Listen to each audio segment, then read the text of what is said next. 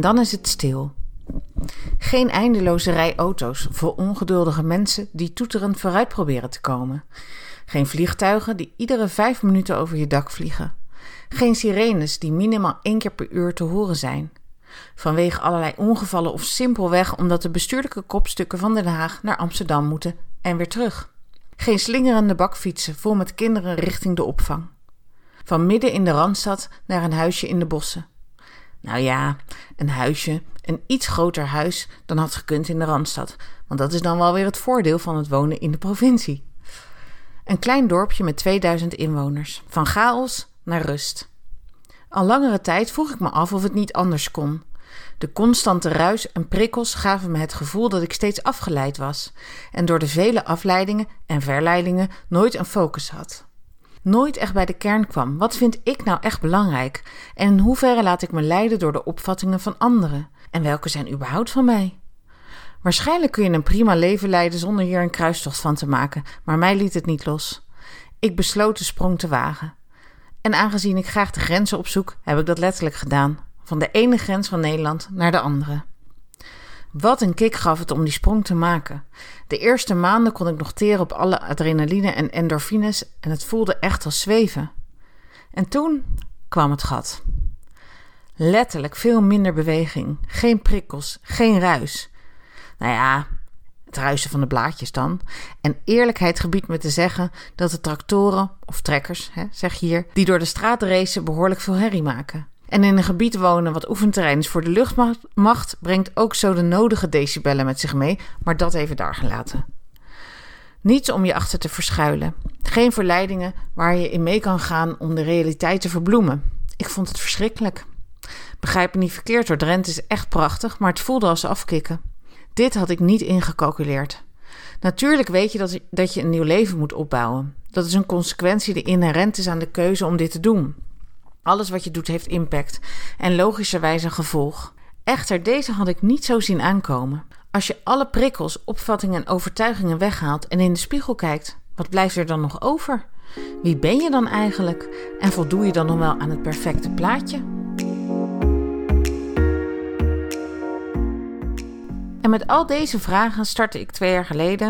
Nou ja, eigenlijk natuurlijk al langer geleden, want het is niet zo dat mijn dat er geen leven was voor mijn verhuizing naar Drenthe. Maar uh, begon ik uh, aan een zoektocht op dit gebied eigenlijk. Um, met name van, joh, hoe zit dat nou met al die opvattingen, die overtuigingen en ook die prikkels? Ik vond, die ruis, ik vond het heel interessant. Hoe komt het toch dat ik me zo laat afleiden erdoor? En um, als ik er last van heb, zullen er wel meer mensen last van hebben. Want ik beschouw mezelf altijd als uh, authentiek, maar laten we eerlijk zijn zo bijzonder. Nou, ook weer niet. Dus ik, ik denk dat, we, uh, dat er wel meer mensen zijn die tegen dezelfde dingen aanlopen. En uh, dat was eigenlijk de reden dat ik mij ben gaan verdiepen in psychische druk. Uh, je ziet natuurlijk steeds meer dat, we, dat er mensen bezwijken, letterlijk onder psychische druk.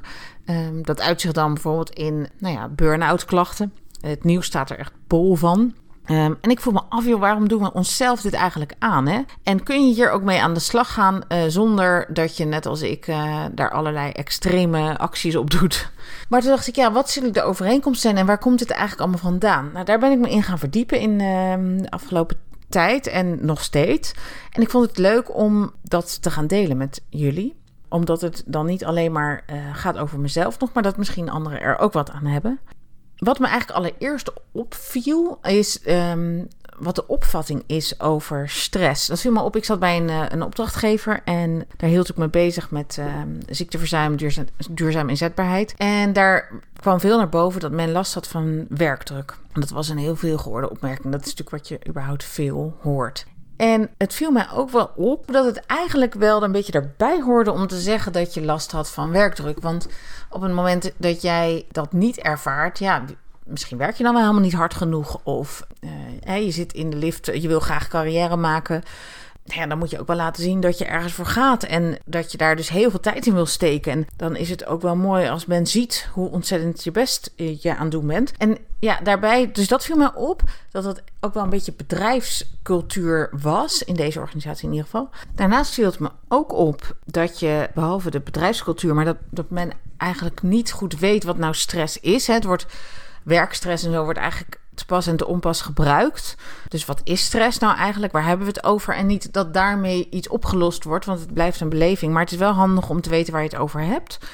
En dat is vaak voor iedereen uh, heel anders. En wat me daarnaast nog opviel, is dat het veel verder gaat dan werk. Hè. Sowieso hebben natuurlijk meer mensen er last van, die, ook mensen die geen werk hebben. Maar als je kijkt naar het nieuws, dat het zo ontzettend veel berichtgeving is over stress. Ik bedoel, ik heb voor een presentatie een keer krantenberichten op internet uh, opgezocht van joh, welke gaan nou eigenlijk allemaal over stress? En ik geloof dat ik gewoon van één maand wel iets van 25 berichten of zo kon vinden. Dus je wordt er ook constant mee uh, geconfronteerd dat dit er is. En ik de focus ligt er heel erg op. En op een gegeven moment kwam er een. Uh, een dat was eigenlijk dus naar aanleiding van een presentatie die ik hierover aan het maken was. Dacht ik, ja, ik miste wel enige context. En toen kwam ik een boek tegen dat heet Sterker met Stress van Kelly McConical, als ik het goed zeg. En zij heeft een boek geschreven waarin ze juist uitgaat van een heel andere kijk op stress.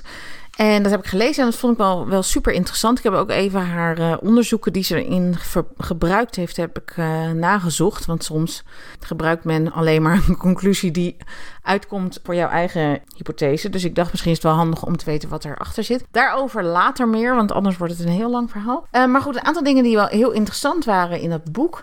was dat zij allereerst aangaf dat stress van oorsprong gaat over iets heel anders. Dus stress is, zeg maar, de term stress is van oorsprong gebruikt als het gaat om misdeeldheid, gemarteldheid en mishandeling. Dus echt puur schadelijk voor je lichaam.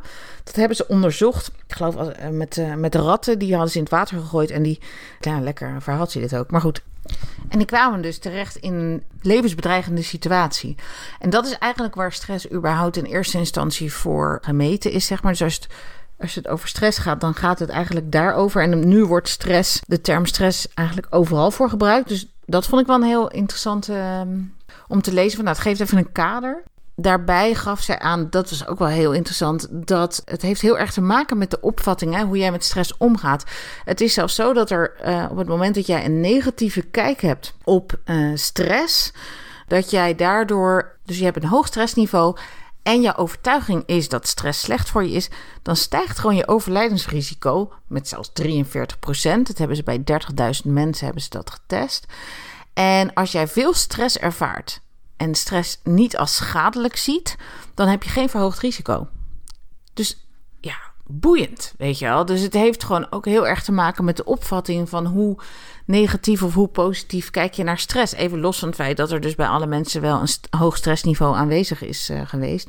Dit hebben ze overigens uh, acht jaar later in overlijdensregisters bekeken. Ja, het is echt een heel positief verhaal dit.